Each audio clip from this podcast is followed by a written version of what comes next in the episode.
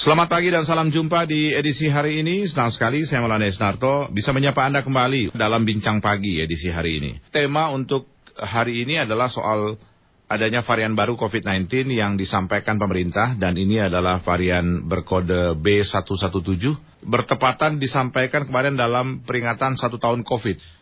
Artinya bahwa ini memang varian baru yang memang kita belum selesai berurusan dengan coronavirus. Kita akan bahas mengenai hal itu, namun kami akan menyampaikan berita baik dulu yang disampaikan Gubernur Jawa Barat Ridwan Kamil kaitannya dengan bagaimana evaluasi kondisi zona di wilayah Jawa Barat. Ridwan Kamil mengatakan bahwa tidak ada zona merah di Jawa Barat setelah dilakukan evaluasi oleh Satgas COVID-19 baik di level provinsi maupun di level kabupaten kota. Pertama kalinya dalam setahun ini tidak ada kota kabupaten yang zona merah, Alhamdulillah setelah berbulan-bulan naik turun dan empat minggu terakhir masih ada satu pindah-pindah minggu ini tidak ada zona merah di Jawa Barat untuk level kota kabupaten.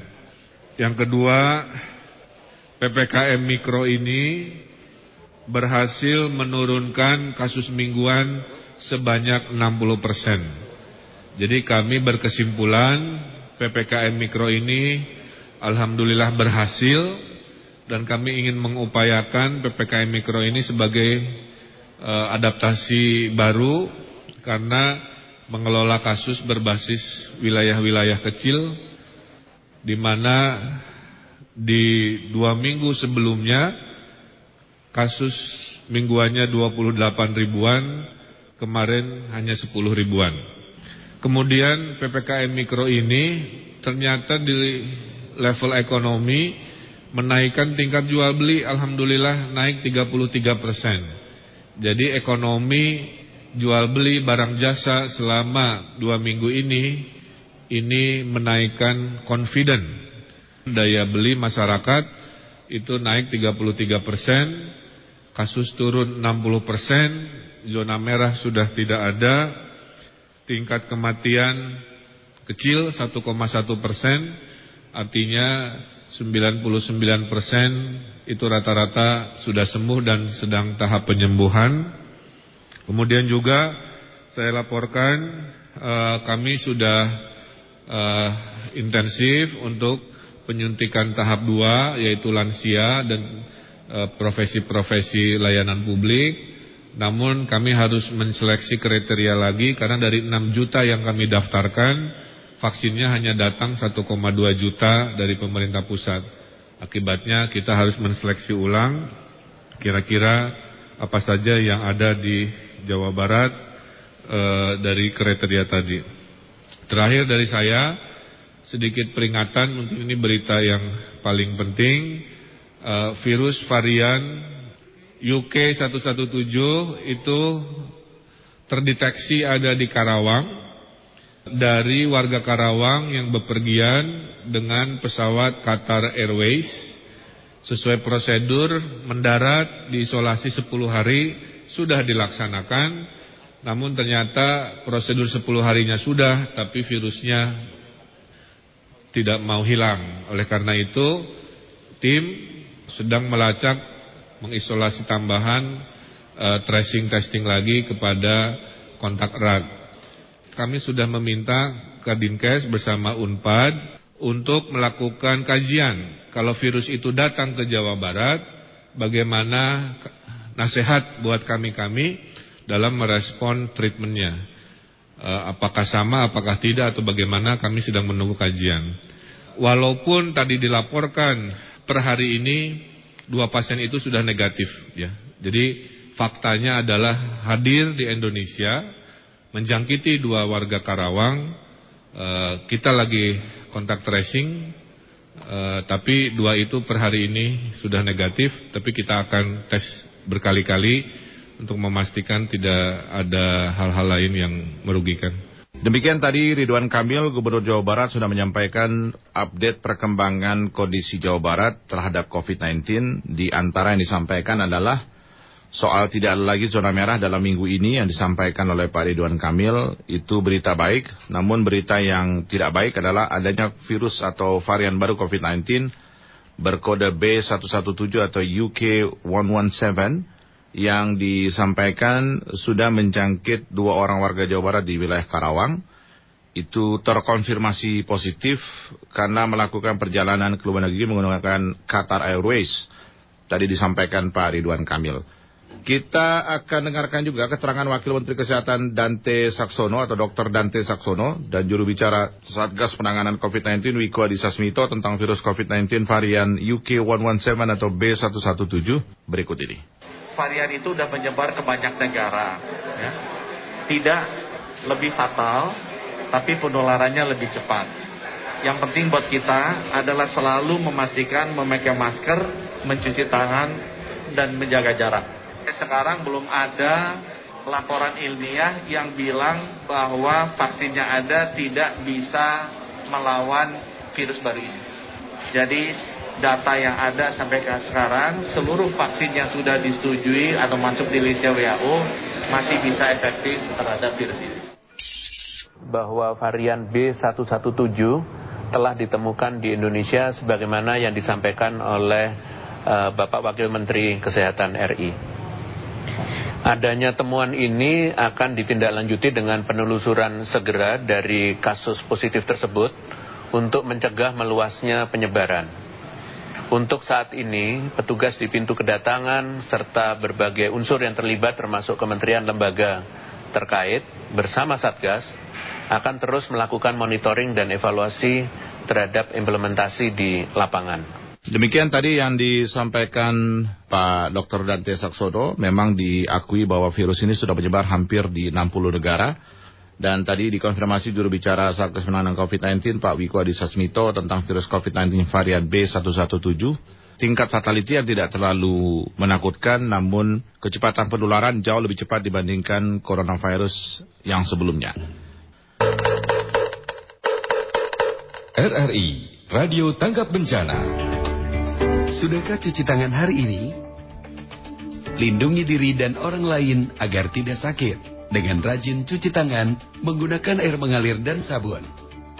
Biasakan cuci tangan setelah batuk atau bersin. Sebelum dan setelah mengolah makanan, sebelum dan setelah makan, setelah ke toilet, ketika tangan terlihat kotor, dan setelah menyentuh hewan.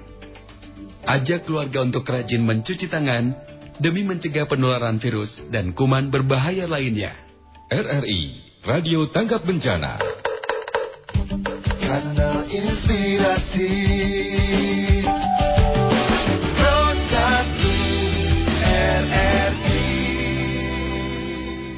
Setelah Gubernur Jawa Barat Ridwan Kamil menyatakan bahwa atau mengakui ada konfirmasi positif di Karawang dua orang terhadap varian baru corona yang memang disampaikan juga oleh Wakil Menteri Kesehatan Dr. Danto Saksono kemarin dalam press conference-nya. Ini membuat kita memang harus waspada, tapi sebenarnya kita ingin tahu lebih banyak karena minim sekali info mengenai virus varian baru ini atau B117. Beberapa ilmuwan mengatakan bahwa ini adalah ciri-ciri akan ada second wave atau gelombang kedua penularan COVID-19. Untuk itu saya bersama dengan Dekan Fakultas Kedokteran dari Universitas Indonesia di line telepon sudah bersama saya Prof. Ari Fahrialsa. Prof. Ari, selamat pagi Prof. Ya, selamat pagi Mas. Baik, pagi. terima kasih Prof. sudah bersama kami di pagi ini. Orang banyak bertanya ya. ketika memang Dr. Danto Saksono sudah menyampaikan mengenai varian UK117 ini di press conference kemarin. Tapi tadi kita konfirmasi ke beberapa stakeholder memang masih minim infonya. Pak RK kemarin juga menyampaikan baru sebatas konfirmasi positifnya aja tapi tidak menjelaskan karakter dari virus baru ini sebenarnya sebenarnya. Apa yang perlu kita perhatikan dari varian virus baru ini atau mungkin info yang mungkin harus kita dapatkan terkait dengan itu, Prof. Ari?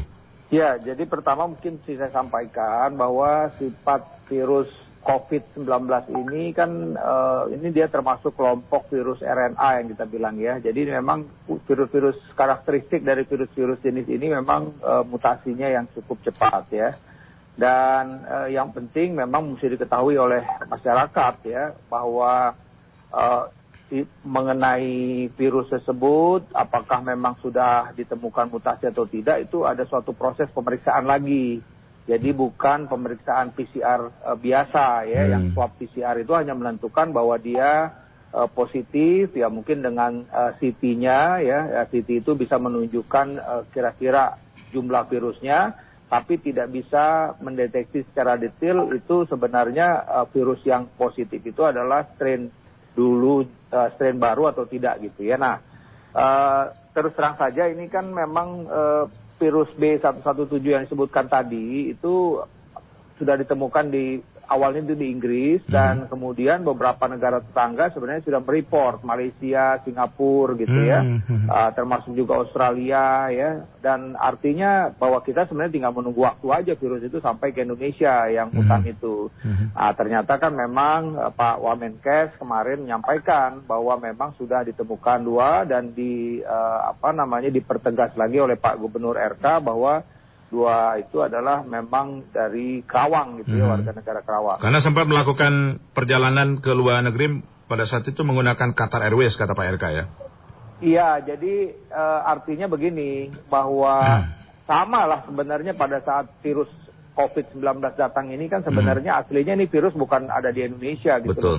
Virus itu kan datang dari luar negeri. Nah, sama juga seperti B117 itu yang memang dari awal kita sudah antisipasi bahwa ini kita tinggal menunggu waktu dan dilalahnya waktu kedatangannya itu pas bersamaan dengan pernyataan uh, pemerintah mm -hmm. uh, satu tahun yang lalu gitu loh. Mm -hmm. Jadi ini kan suatu hal yang memang perlu menjadi perhatian kita semua. Mm -hmm. Nah, secara khusus buat masyarakat ini saya sampaikan betul memang B117 ini sebenarnya kalau uh, perbedaannya apa sih dengan virus yang ya, ada saat betul, ini betul, Prof. Hmm. itu pertama adalah bahwa memang tingkat penularannya cukup tinggi ya jadi hmm. beberapa report dari Inggris menyebutkan ada yang sampai 50% tingkatnya atau ada 70% dari virus yang sebelumnya dan kemudian uh, virus ini juga bisa lebih mengena, uh, bisa mengenai juga orang muda gitu dua hal ini. Hmm, nah ah, kemudian uh, ya jadi pertanyaannya berikutnya adalah apakah virus ini lebih ganas? Nah ini yang belum terbukti sampai saat ini. Nah kalau ternyata, tadi disampaikan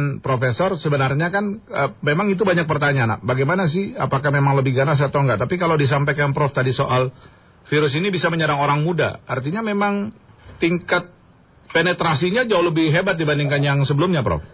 Iya, terhadap antibody ya maksudnya. Kalau kalau itu sih tidak kita bisa bilang begitu. Hmm. Jadi artinya bahwa e, kalau yang dulu itu kan yang sebelumnya itu selalu kita disebutkan yang beresiko tinggi ya kita bilang. Yeah. Beresiko tinggi itu adalah laki-laki merokok dan umur di atas 60 tahun. Hmm. Itu resiko tinggi COVID yang sebelumnya.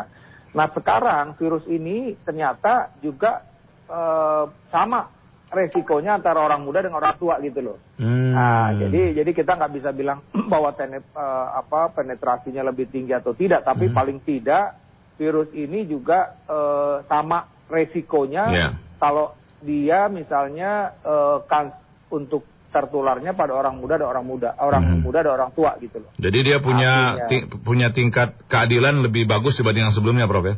Iya, artinya itu tadi ya. Jadi kansnya seperti begitu. Itu yang memang harus diwaspadai. Oh iya, betul. Ya kan? Cuman memang next pertanyaannya adalah apakah uh, dia uh, virulensinya istilah di betul, dalam medis betul. atau keganasannya itu ternyata sampai sejauh ini uh, tidak ada perbedaan yang mhm. cukup -hmm. signifikan dari riset-riset yang ada dan juga mungkin yang itu saya sampaikan juga ternyata kan yang kita juga tanya lagi berikutnya apakah uh, virus ini kena nggak nih kalau pasien itu disuntik dengan Sinovac itu nah, ternyata juga sudah clear ya sudah clear berdasarkan beberapa data dari Brazil ya kemudian Brazil mm -hmm. masuk ternyata mm -hmm. uh, mempunyai daya lindungnya itu daya preventionnya itu uh, tetap sama ya karena mm -hmm. ternyata memang uh, virus artinya komponen dari virus B177 ini tetap hmm. bisa dikenali oleh antibodi yang terbentuk oleh uh, vaksin Sinovac oh, ini okay, gitu.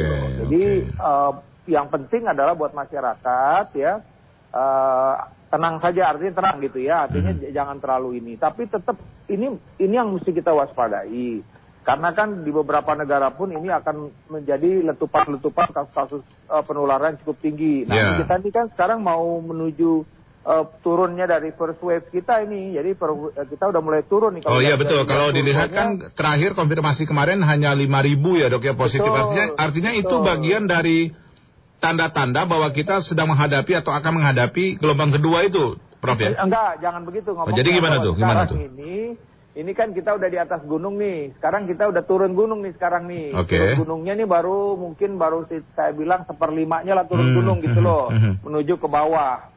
Nah saya berharap ini meluncur terus sampai selesai gitu. Jadi nggak ada lagi second wave. Oke. Kalau yang namanya second wave itu gelombang kedua kita sampai ini turun mungkin bisa sampai di bawah seribu selesai. Mhm. Nah gara-gara ini B117 ini sudah ke mana-mana daya kuat nanti kita naik lagi.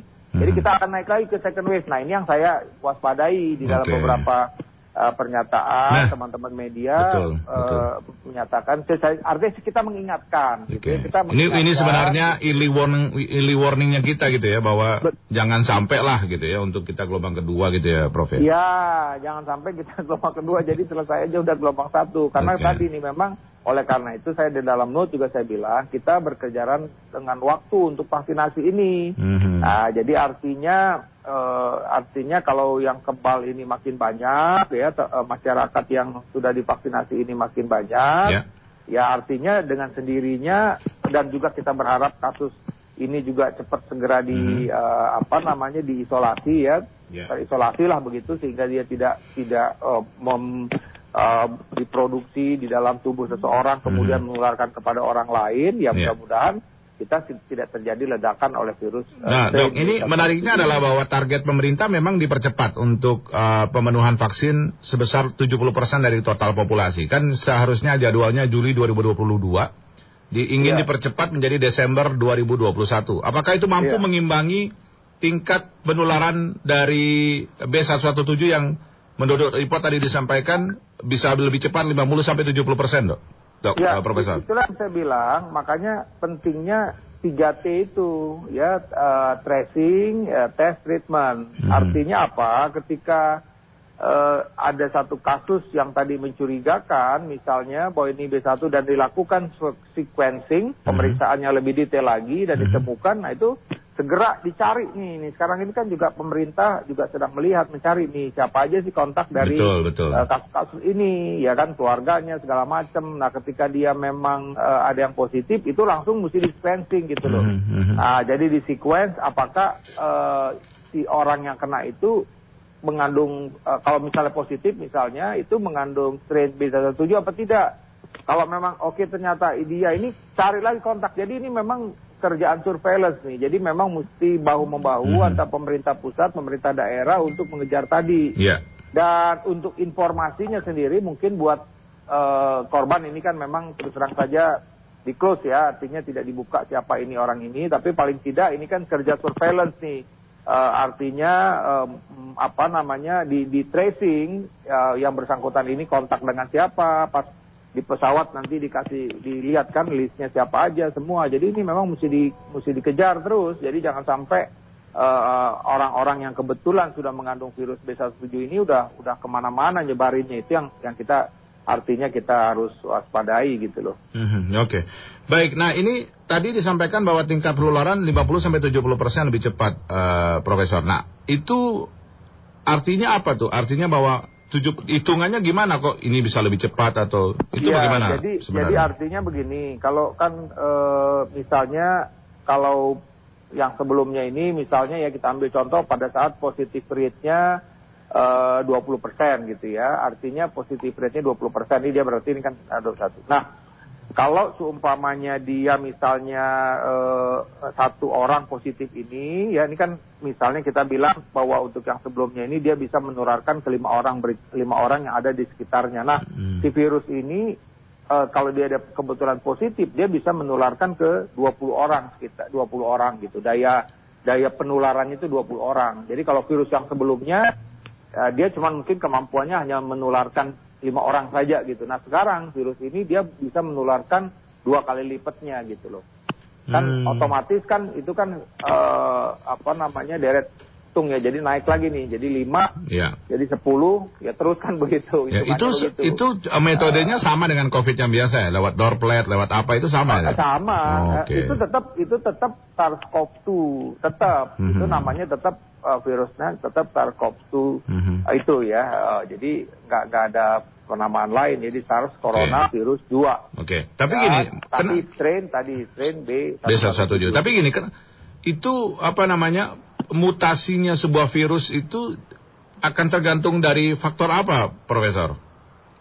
Karena Ya. orang kan berspekulasi ini, oh yakin nih benar-benar buatan manusia nih gitu gitu gitu tuh gitu. Ya tidak begitu sih, nggak bisa bilang begitu. Terus terang saja kan virus virus ini kan makhluk hidup ya kalau Iya. kita bilang. Mhm. Jadi artinya ketika makhluk hidup ini kan ber- berusaha juga untuk survive ya kan di dalam dalam lingkungan. Jadi terus terang saja memang faktor-faktor yang bisa tersebut itu faktor lingkungan Iya. ya kan.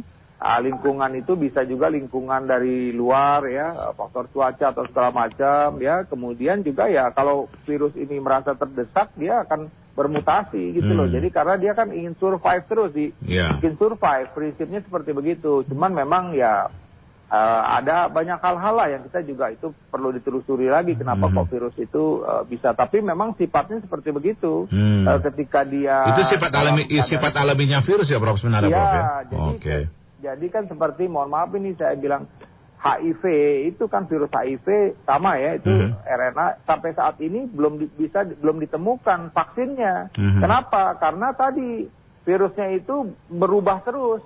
Nah, cuman Hmm. tadi nih dia berubah bentuk tapi eh, efek eh, apa namanya virulensinya eh, tidak tidak banyak perubahan gitu Hmm. loh. Artinya dia sebagai sistem pertahanan diri dari serangan terhadap virus itu maka dia berubah bentuk supaya tidak dikenali mungkin gitu ya, Prof? Iya, kira-kira Oke. begitu. Sip, Tapi sip. tadi untungnya misalnya kalau bicara soal HIV, eh, walaupun belum sampai bisa menghilangkan virus 100%, tapi paling tidak dengan obat yang ada saat ini Mhm. yang kita bilang ARV misalnya eh, jumlah virus ah, walaupun dia berubah bentuk sampai saat ini dia masih bisa eh, kena dengan antivirusnya. Jadi itu, nah ini juga tadi saya bilang memang kita berkejaran dengan waktu. Betul, Jadi, betul. Artinya apa? Kita tidak berharap ada mutasi. Kalau untuk B117 ini boleh boleh dibilang sudah banyak kasusnya di luar sehingga kita udah bisa lihat Hmm. karakteristiknya. Kita Kemarin Pak Wakil Menteri bilang udah terreport di 68 negara katanya gitu. betul. Jadi kita berharap kan kita udah kenalin karakteristiknya sebenarnya